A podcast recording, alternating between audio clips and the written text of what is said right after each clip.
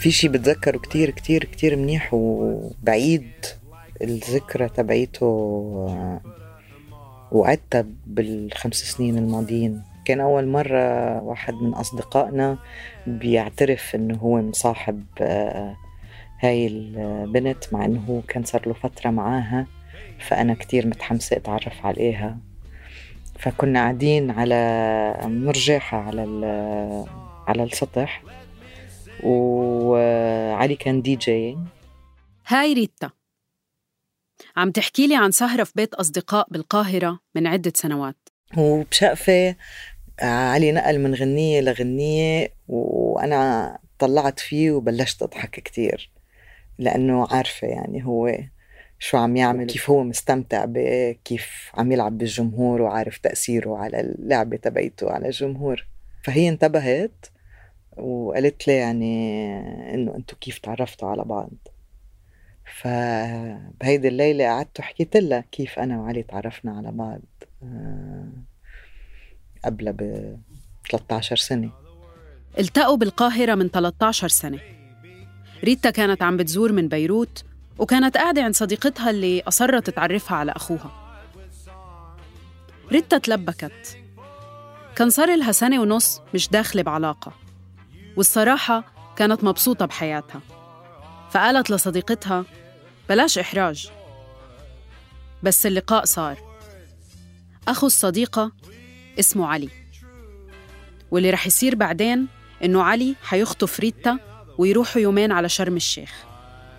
وبعدين يسافر لها على بيروت.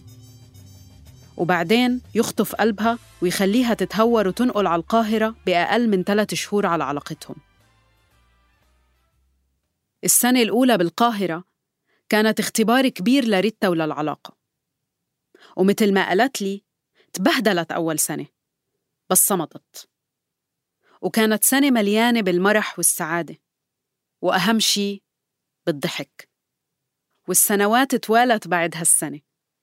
تزوجوا وخلفوا وبنوا شراكة عمرها 13 سنة. كان يمكن بعد أسبوع من ما علي توفى وكنت قاعدة مع هيدا الصديق نفسه وفجأة تذكرت يعني فقلت له كنت لسه عم بحكي لها كيف أنا وعلي تعرفنا على بعض وأنا وهو قعدنا نبكي كتير. فهاي بالنسبة لإلي يعني كان إنه هاي آخر حفلة نحن نكون فيها مع بعض و... وهو كالعادة يكون الحدا اللي عم يحكي مع الناس بس كمان عم يعمل دي جينج بوقت وكمان عم بيشارك بالشوي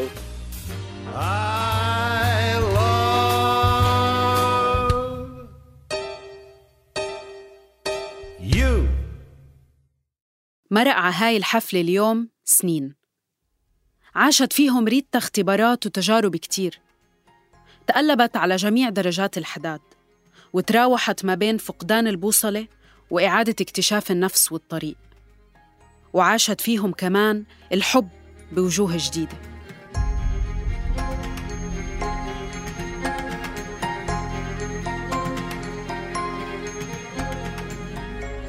مرحبا من جديد. معكم فرح برقاوي. وهذا الموسم الرابع من بودكاست عيب من إنتاج صوت. بهاي الحلقة رح نفوت مساحة كتير ناس بتتجنب تفوتها أو تحكي عنها أو حتى تعطي رأيها فيها. عن الفقد اللي ما بنقدر نغيره أو نسترجعه وعن كيف بنحكي وبنتعامل معه. عن كيف بنكمل حياتنا بكل تفاصيلها كيف بنعيش رغباتنا وخيالاتنا كيف بنستكشف مشاعرنا وبنحب من جديد. وبنفس الوقت كيف بضل الشخص اللي فقدناه وحبنا إله عايشين جواتنا. عن الحب والموت والحب بعد الموت.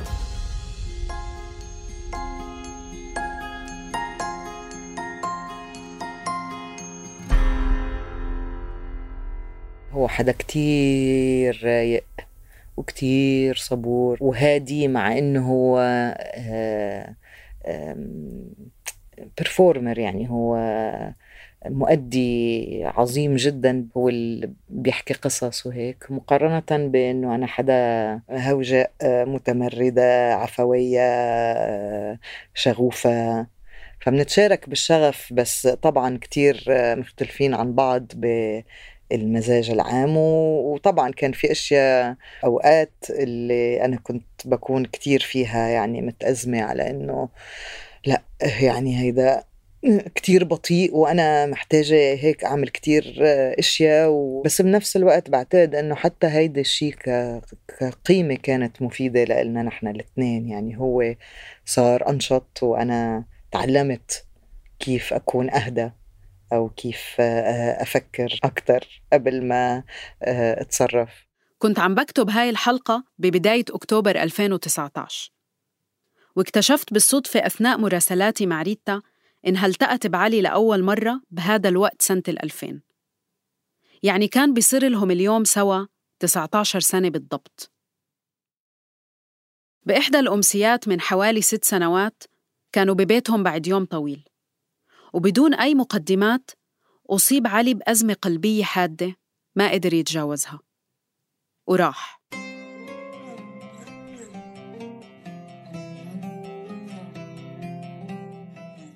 ما في شي زيه أبدا حسيت فيه. هذا الوجع وجع هيك يعني آه، بحس قلبي بيتحرك من مكانه وبينعصر يعني. فيزيكلي بحسه كأنه فعلا عم يتفعص قلبي.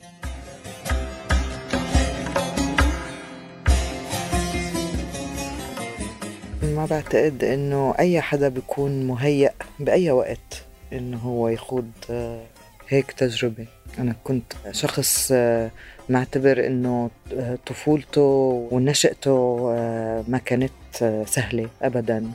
وكنت فخورة بحالي إنه قضيت يعني سنين صعبين جدا وأنا عم بكبر خاصة في أيام المراهقة. كنت خاصة كمان مع علي بحس طول الوقت بإحساس عالي جدا جدا من التمكن وإنه ما في شيء ما بقدر عليه. فلما غاب ما يعني بعتقد أول مرة بتعرف على على الوجع. يعني بختبره.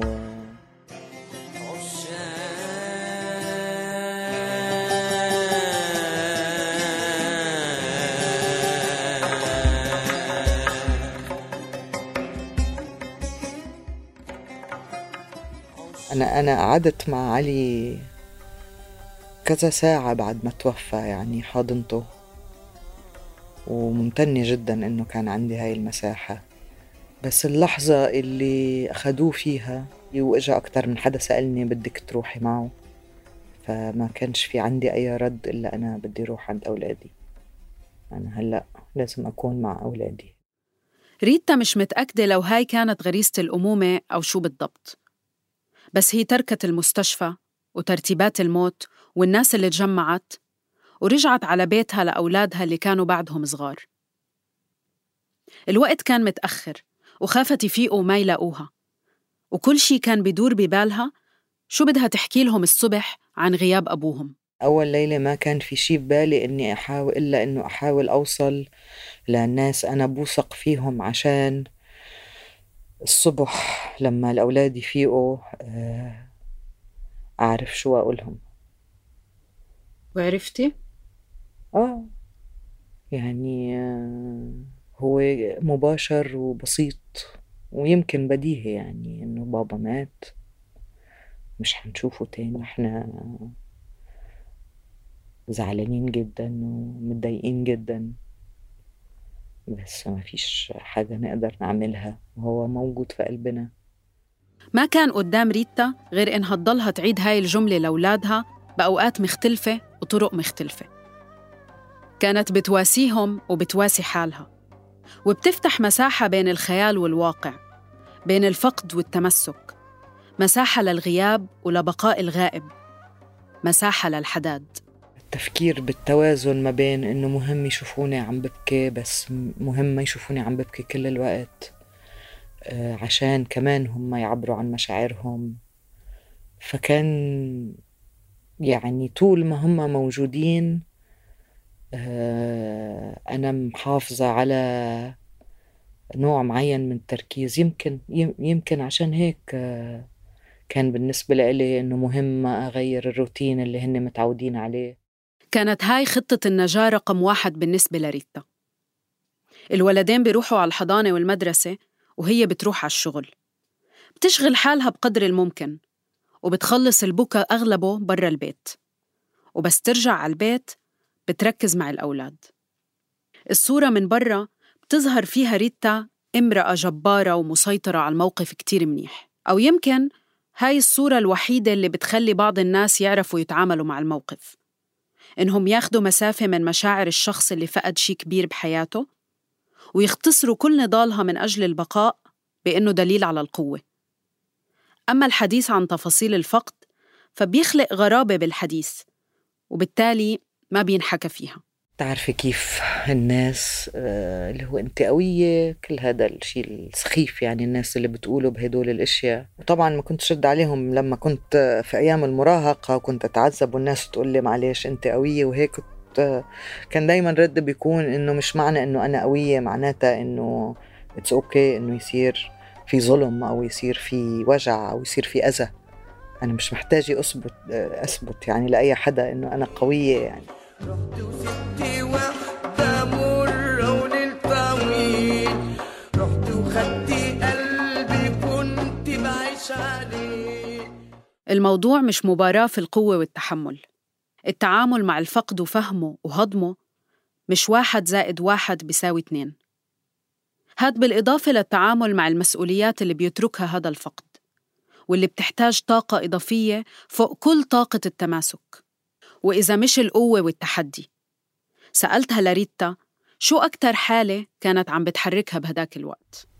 لا اللي أنا بتذكره إنه أنا كنت كتير كتير كتير كتير خايفة. في الآخر أنا في حياة أنا وعلي بنيناها بالكامل من أولها لآخرها. كان في شغلنا ولا كان مع الولاد والبيت آه، والعيلة الصغيرة والأصدقاء اللي حوالينا. فكان أنا شو بدي أعمل بكل هذا الشيء لحالي؟ ريتا وعلي كانوا شريكين حقيقيين بالشغل والبيت والحياة. اللي كان بينيم الأولاد بالليل التاني بفيق معهم الصبح ليجهزهم للمدرسة. وبالشغل كانت مسؤولياتهم متساوية بشكل أو بآخر. وفجأة صار مطلوب من ريتا تقوم بدور شخصين بالبيت وبالشغل.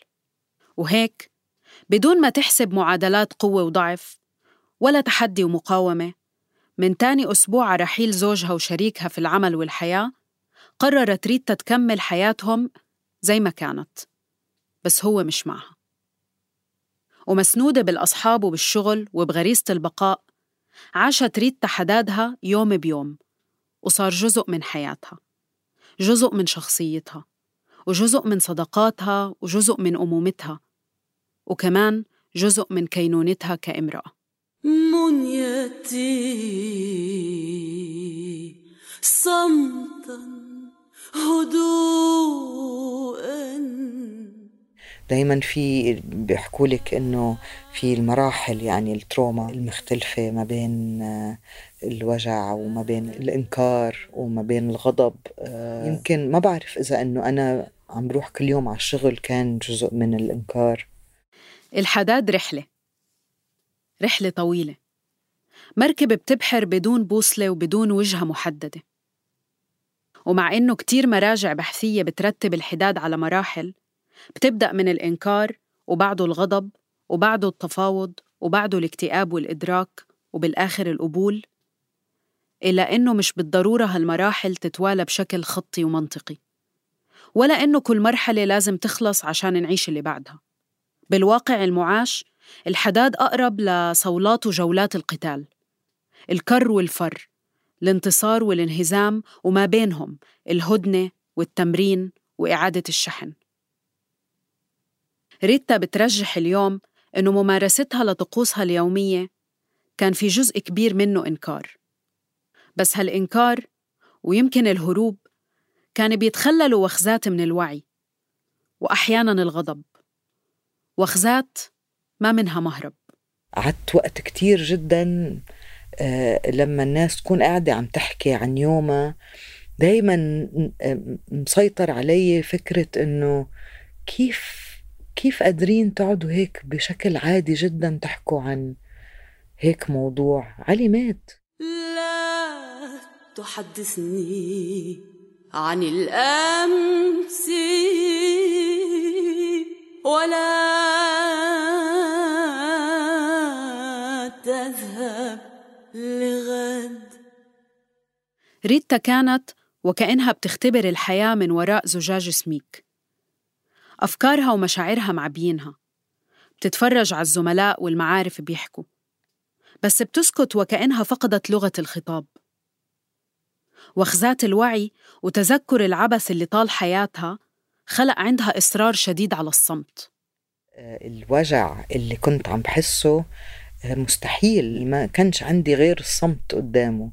مش حاسة إنه قادرة أحكي مع حدا إلا حدا بشكل أو بآخر بيعرف شو يعني موت حدا هالقد قريب لإله.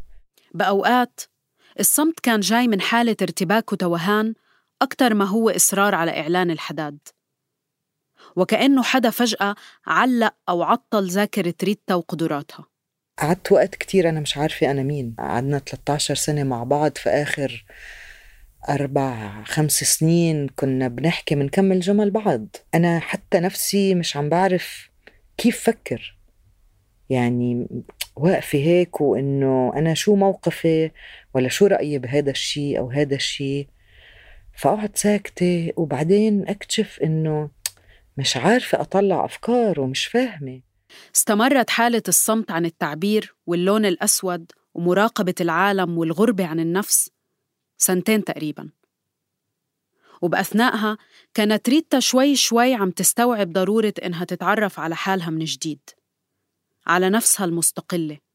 على شو حاسة وشو بدها. وكيف تعبر عنه.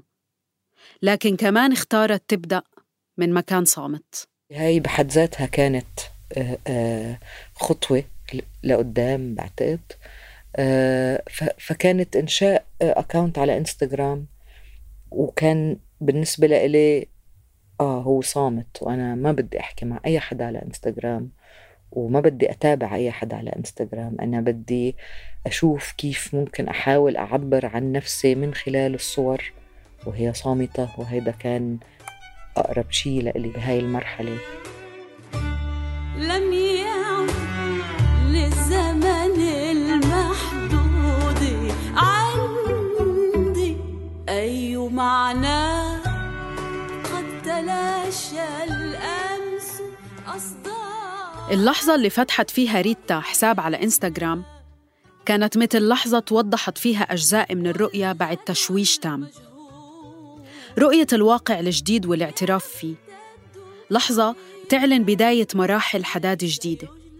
خليط من الإدراك والاكتئاب والقبول. بس قبل ما نوصل لهاللحظة وين راح باقي الغضب؟ وين راح التفاوض بين الحقيقة والأمنيات؟ والغد المجهول يمتد بعيدا ليس يجلى. ريتا مثل كتير نساء بمجتمعنا عاشت مراهقة صعبة كتير مليانة مراقبة ومحاسبة ومنع قيود على الحركة وقيود على حرية التعبير وطبعا قيود مشددة على التواصل مع الشباب. أيا كانت نوع العلاقة معهم صداقة أو حب أو حتى زمالة. وبالتالي كانت مراهقة مليانة غضب وإحساس بالظلم. ومقابل كل الضغط اللي كان محطوط عليها كانت بتبتدع الحيل بتتمرد وبتتحدى كل الممنوعات حتى لو بأشكال أدركت لاحقاً إنها كانت مؤذية نفسياً إلها. مثل إنها تدخل وتطلع من علاقات متتالية مع أشخاص مش مناسبين أو مؤذيين أو ضايعين مثلها. مع صدمة الفقد وتشويش الإنكار واستقبال المواساة والنصائح ومواجهة العالم بصمت تسلل الغضب لروح ريتا وصح جواها المراهقة المتروكة والمتخبطة. قررت تفوت بعلاقة بلا تفكير كتير بشو ظروف هاي العلاقة ولا مين الشخص. فواضح ما بين آه، احتي يعني الصدمة تبع إنه في شخص كان طول الوقت آه، موجود جنبك بتقدري تلمسيه بتقدري تحسيه بتقدري تشميه فجأة بطل موجود وكأنه استعادة ال pattern اللي أنا عملته وأنا مراهقة آه، فكان بالنسبة لإلي بالضبط نفس ال pattern فرصة صارت بهذا الشيء بادرت فيها وهيك صارت. كان شخص تعرفت عليه من خلال أصدقاء وكان هو كمان عنده خبرة مع فقد لحدا غالي كتير عليه. الشي اللي خلى العلاقة في غضون شهور قليلة تتطور بسرعة وتظهر على إنها عميقة. لكن لما بتطلع ريتا لورا بتشوف إنها ما كانت غير علاقة رمزية جدا. علاقة تفاوض مع اللي راح واللي بقي وتنفيس عن الغضب. اللي طبعا بعدين اكتشفته إنه هو هو هو التباس. يعني هو أنا آه، مشاعري تجاه علي أنا محتاجه مارسها مع حدا.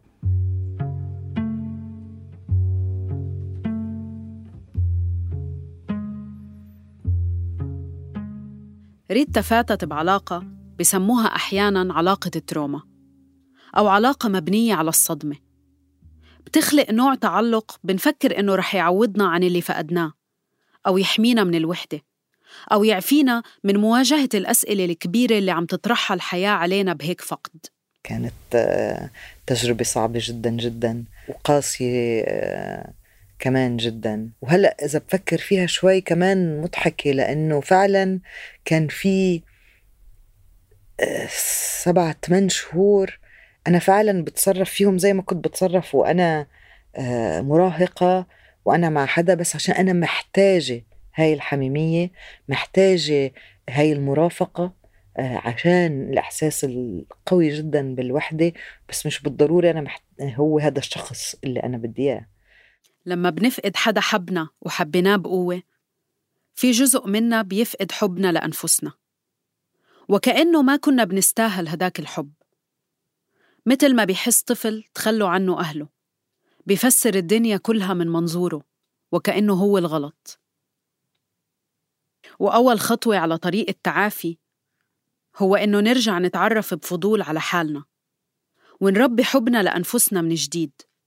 حبنا لأنفسنا حتى لو ما عرفنا ننقذ أو نحتفظ بالشخص اللي بنحبه. كأنه أنا آه، اللي أنا بعرفها ماتت لما علي مات.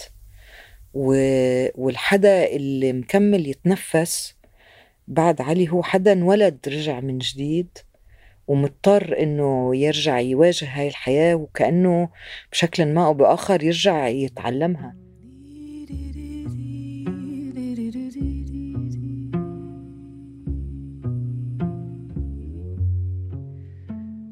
لما فاقت ريتا من التجربة الأولى بعد الفقد أدركت حاجتها لشي مختلف. كانت نسخة جديدة عن حالها ما بتعرفها وحست إنها محتاجة تركز بحياتها بكل تفاصيلها وكمان محتاجة تبني علاقة بينها وبين هاي النفس الجديدة. وهيك وصلت لقناعة إنه ما عندها وقت أو مساحة لعلاقة جدية متكاملة بهديك الفترة من حياتها. كنت وصلت لمرحلة إنه أوكي أنا الحقيقة أبدا ما عندي وقت آه، آه، لعلاقة آه، العلاقة شيء بياخد مجهود ووقت كتير وأنا فعلا ما بين الأولاد والشغل ولأنه هيدا الشيء كله علي أنا فعلا ما عندي مساحة لعلاقة فكنت واصلة بمرحلة أنا كتير متصالحة ومرتاحة لهيدا الشيء هو شوي في وحدة لكن كتير طورت آليات إنه هاي الوحدة ما تكون قاسية. بنفس الوقت أدركت ريتا إنه ما فيها تنتظر شخص يعوض شريكها الراحل. هو رح يضل هو ورح يضل عايش جواتها. والشعور بالاكتفاء اللي كان معبي علاقتها فيه خلص بطل موجود. وبالتالي بين إنها تفوت بعلاقة محبطة أو تحرم حالها تماماً من الحميمية ريتا اختارت شي تالت بيشبهها أكتر وبيشبه كيف هي وعلي كانوا بيحبوا الحياة. قررت تبحث عن كل الأشياء اللي كانت عايشتها بعلاقتها مع علي سواء تفكير مشترك أو حكي أو ضحك أو حميمية من خلال علاقات مختلفة بأنواعها وأهميتها. فإنه أوكي هدول الثلاث أربع أصدقاء اللي أنا بيثيروا أفكاري بالتالي إني آه لما أنا محتاجة أحكي في في مواضيع معينة آه آه لازم أحط مجهود إني أحكي معهم أو الناس اللي أنا بستمتع معاهم عشان هم آه، بيحكوا قصص حلوة آه، أو هم بحبوا الحياة وبحبوا يرقصوا وبحبوا يضحكوا لازم أكون واعية جدا إنه آه، أشوفهم بشكل مستمر وإلا حأرجع انزل. وبنفس الوقت نفس الشيء لما محتاج جسمي إنه يمارس الجنس كان بالنسبة لي سهل جدا إنه يكون في علاقات عابرة.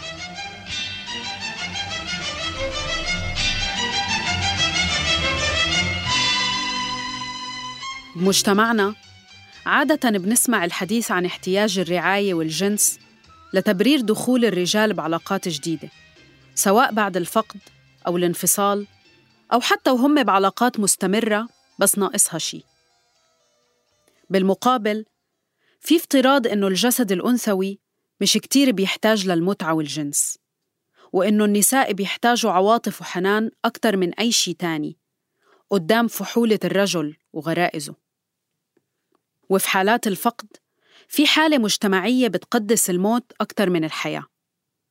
حالة وتوقع متوارث جيل بعد جيل إنه الوفاء معناه الصيام والامتناع عن جميع الملذات وإنه الحزن بيعطل الرغبات وتحديداً الرغبة في الحب والحميمية. بس الواقع المعاش واللي ما بينحكى فيه بالعلن إنه الناس بترغب وبتتعامل مع رغباتها بدرجات مختلفة بغض النظر عن جنسهم البيولوجي أو هويتهم الجندرية. وإنه هالموروثات المجتمعية نابعة من تمييز واعي أو غير واعي. كل همه القمع والسيطرة على أجسام النساء بالإضافة للهلع من كلام الناس والتابو والعيب. بالنسبة لريتا كانت طول عمرها متصالحة مع رغباتها. كانت شغوفة تستمتع بكل شي حلو بالأكل وبالقصص بالغنى وبالرقص وكمان بالجنس. أو باختصار ريتا شخص بيستمتع بكل الأشياء اللي بتمتع البشر على اختلافهم وهذا الشيء ما بيغير من واقع الحداد أو الحزن أو إنه مثلا يكون عكس الوفاء. بعدها بسنة بعتقد كتبت شيء آه، عن هذا الموضوع شيء ساخر الحقيقة وعنوانه آه، متى تستطيع الأرملة أن آه، تمارس الجنس. يعني واصف إنه يعني إني أنا أنام مع حدا مش معناتها أنا مش وفية يعني ل... لجوزي هذا ما خصه أبدا بهذا يعني. بالعكس هو كل ما عم بيمرق الوقت كل ما هو حاضر أكتر وموجود أكتر. الوفاء عند ريتا هو إدراكها وممارستها اليومية لحب النفس ولحبها لزوجها اللي مالي قلبها وذكرياتها وبيتها. هو إنها تقدر تكمل حياتها. وتقدر تضحك زي ما كانوا بيضحكوا سوا. إنها تسعى لتكون مرتاحة مع حالها ومع عالمها. وإنها بنفس الوقت تقدر تحبه بحرية حتى لو بطل موجود. حبيبي.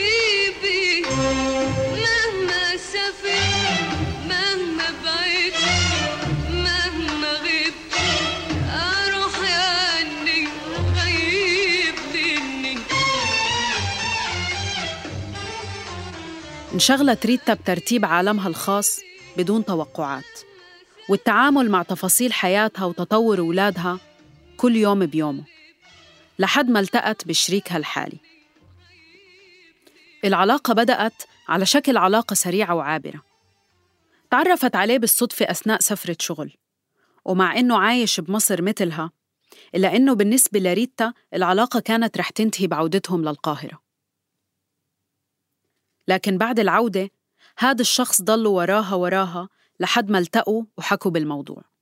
كنت واضحة جدا بأنه أنا شخص ما عنده وقت لعلاقة ومش مهتم إنه يبتدي علاقة مع أي حدا آه لأنه ما فعلا ما عندي وقت. ووصلنا لاتفاق إنه آه, آه ممكن نشوف بعض لو هذا الشيء لسه ممتع آه و آه ولسه لطيف. واللحظة لأي مننا مش ممتع أو مش لطيف حيوقف من غير أي توقعات آه على الإطلاق. العلاقة بين ريتا وشريكها الحالي انطلقت من هذا المبدأ وكملت هيك لمدة سنتين تقريباً قبل ما تتطور بالسنة الثالثة لشكلها الحالي الأكثر عمقاً. If you ask me plainly, I would gladly say I'd like to have you round just for them rainy days. بعتقد إنه قعدت فترة كتير طويلة بإنكار إنه هي علاقة جدية مع إنه هي آه، علاقة جدية. والحقيقة عمرها ما كانت بأي شكل من الأشكال هالعلاقة كان ممكن إنها تكون جدية إلا إنه آه، الأولاد طبعا هم بوصلتي جدية العلاقة انبنت شوي شوي. وجزء كبير منها كان بناء الثقة بين ريتا وصاحبها. بس كمان بناء الثقة بين صاحبها وأولادها. كان لما صار واضح إنه آه، صاحبي صار موجود بحياتنا بشكل منتظم آه، بخلي الأولاد يلاحظوا إنه العلاقة معه مختلفة عن علاقة كتير من الأصدقاء اللي بيجوا لعنا على البيت. آه، قلت لهم هيدا صاحبي وأنا بحبه وهو بحبني وإحنا بنحب نشوف بعض في أوقات مختلفة منا أنا وهو بس ومنا نحن كلنا مع بعض كعائلة. أسلوب ريتا مع أولادها كان دايما صريح وبسيط وبنفس الوقت حنون. وزي ما خبرتهم من قبل مشاعر صادقة عن فقدانهم لأبوهم خبرتهم بنفس الصراحة والبساطة والحنان عن مشاعرها وعلاقتها مع صاحبها اللي بدأوا يتعودوا على وجوده وإنه مش بس صديق عادي. من جهة تانية صاحبها كان حريص يبني علاقة خاصة مع الأولاد بشكل مستقل عن علاقته فيها. أخذ وقته بالأول كتير ل يعني ياخد خطوة لقدام أه، ببناء علاقة مع الأولاد وبالنسبة لي هذا كان كتير مهم وبنى علاقة معهم إنه هو صديقهم أه، وهن أصدقاء له. فالأولاد بيعرفوا عنه إنه أه، مين هيدا؟ هيدا صديقي. مع إنه هو كمان ممكن يقولوا هيدا صاحب ماما لكن بالنسبة لهم آه، هن بيشوفوه كصديق. فبالنسبة لي هيدا مريح إنه نجحنا ما بيننا نحن الاثنين إنه كمان نخلق هيدا النوع من العلاقة الصحية. آه، يعني أنا مطمنة الأسئلة اللي كانت عند الأولاد كانوا مرتاحين إنه هو يسألوها كان لإلي ولا لصاحبي. مع الوقت هاي الصداقة بين أولادها وصاحبها تعمقت أكتر. صار في اهتمامات مشتركة ونقل للمعرفة والمهارات من صاحبها لأولادها. آه، صاحبي وهو صغير كان بحب الصيد كتير ومرة رحنا على المكان اللي هو كان بيصطاد فيه سوا كعيلة وكان عنده صنارة الصيد تبعيته. وابني الصغير كتير كتير يعني اهتم بهذا الموضوع وانتبهنا لهيدا الشيء وغزينا هيدا الموضوع كان بمهارات الصيد نفسها ولا كان بإنه كيف واحد يركب الصنارة. فهاي علاقة كتير خاصة آه، كمان بين آه، صاحبي وابني الصغير اللي تكونت خلال السنة الماضية. I like the touch of your hand. The way you make no demands Our love is easy. الموت حقيقة كبيرة. كتير منا بيضلوا عمرهم كله يهربوا منها بالاستسلام لأفكار مثل السرعة والتنافس والاستقتال للحصول على علاقات أو أشياء.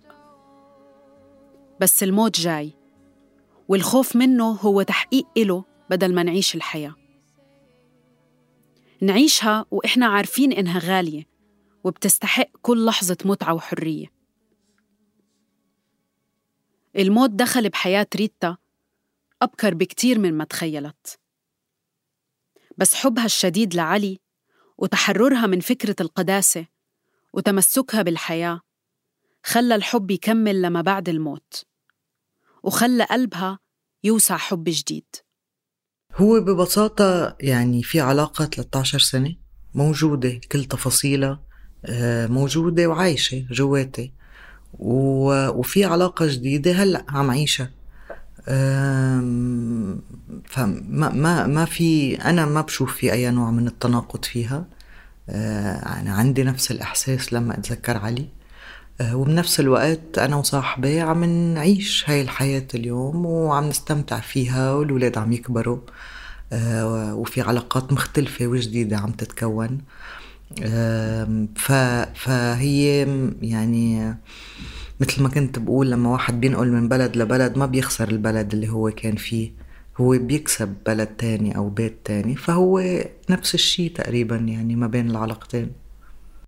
هاي الشجاعة لقبول الموت وقبول الحب. خلقت زاوية جديدة من الرومانسية بين ريتا وصاحبها. مش سهل نلاقيها بمجتمعاتنا اللي بتعودنا على إنه الغيرة والرغبة في التملك هي إشارات على الحب بدل القبول والتصالح. يمكن من واحدة من أكتر الأشياء الرومانسية الحقيقة اللي قال لي إياها صاحبي آه، كانت إنه واحدة من الأشياء اللي أنا كمان بحبها فيكي هو علي والحقيقة إنه هو بالنسبة لإلي رومانسية هيدا الشيء كمان جاية من آه، قديش هو فعلا شايف كمان علي موجود فيه زي ما هو موجود كمان ب... ب... ب... بناس حواليه هو كمان عم يتعرف عليهم. Our love is easy, like water rushing over stone. بدخول علاقتها مع صاحبها سنتها الثالثة. حست ريتا إنه صار في تراكم على كذا مستوى. خلى إنه يكون لهاي العلاقة مكانتها ووجودها وحضورها. لقت حالها بشكل سلس ومحب بتعيد إحياء واحد من الطقوس المهمة اللي كانت هي وعلي بيمارسوه بالذكرى السنوية لعلاقتهم. وبتنقل هذا الطقس لعلاقتها الجديدة. إنه من قريب يعني آه، تمينا ثلاث سنين واكتشفنا إنه آه هو هيدا التاريخ يعني هو هذا الشهر سبتمبر هو الانيفرساري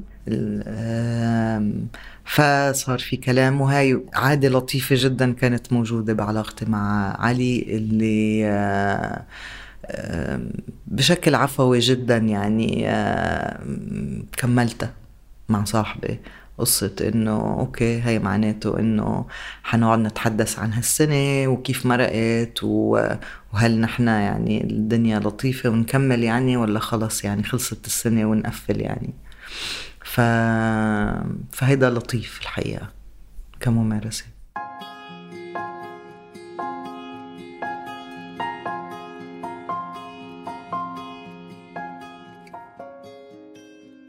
وصلنا لآخر الحلقة. بس بالختام حابة أقول إنه قصة مثل قصة ريتا ما زالت بتعتبر خاصة جداً. الحب والارتباط بعد الفقد أو حتى الانفصال مش سهل أبداً وغالباً لسه مش متاح لغالبية النساء في مجتمعنا بسبب الأعراف والتقاليد وتحديداً لو كانوا أمهات. بس في تفاصيل وتساؤلات جوا قصة ريتا بتمس كتير نساء عم بيخوضوا تجارب مشابهة بشكل أو بآخر. ريتا نشأت بنفس هالمجتمع وواجهت صعوبات وتمييز كبير بطفولتها ومراهقتها. لكنها عند أول فرصة قدرت فيها تستقل مادياً خلقت عالمها الخاص واستثمرت بنوع الحياة اللي كان بدها تعيشها ونوع الأشخاص اللي كان بدها تعيش حواليهم وخلقت دائرة أمان وتحرر معينة عاشت فيها علاقتها بعلي. وكان هذا الإدراك للحرية في الحب وتقرير المصير خطوة مش ممكن ترجع عنها. مسكت فيها بإيديها وأسنانها. ومهما كان غياب علي قاسي إلا إنها قررت تعيش الحياة لآخرها. وبنفس هاي الدائرة الآمنة اللي بنتها عم بتعيش هلأ علاقتها الجديدة. ريتا حبت عن جديد. وقدرت تبني شراكة تساعها وتساع أولادها اللي عم يكبروا وكمان تساع عالمها. وريتا لسه بتحب علي ولسه بتعيش معه شراكة خاصة برغم الغياب.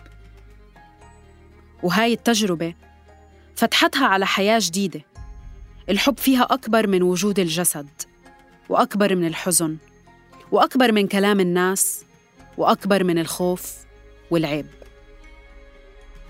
هاي كانت حلقة جديدة من الموسم الرابع من بودكاست عيب من إنتاج صوت. غيرنا اسم الشخصية بالحلقة حفاظاً على خصوصيتها. الأغاني اللي طلعت معنا بتقدروا تلاقوا معلوماتها بالوصف المرافق. هاي الحلقة كانت من إعدادي وتقديمي أنا فرح برقاوي. مونتاج تيسير قباني وتحرير صابرين طه. شارك في إنتاج الموسم الرابع من بودكاست عيب كل من آية علي ومرام النبالي وجنى قزاز.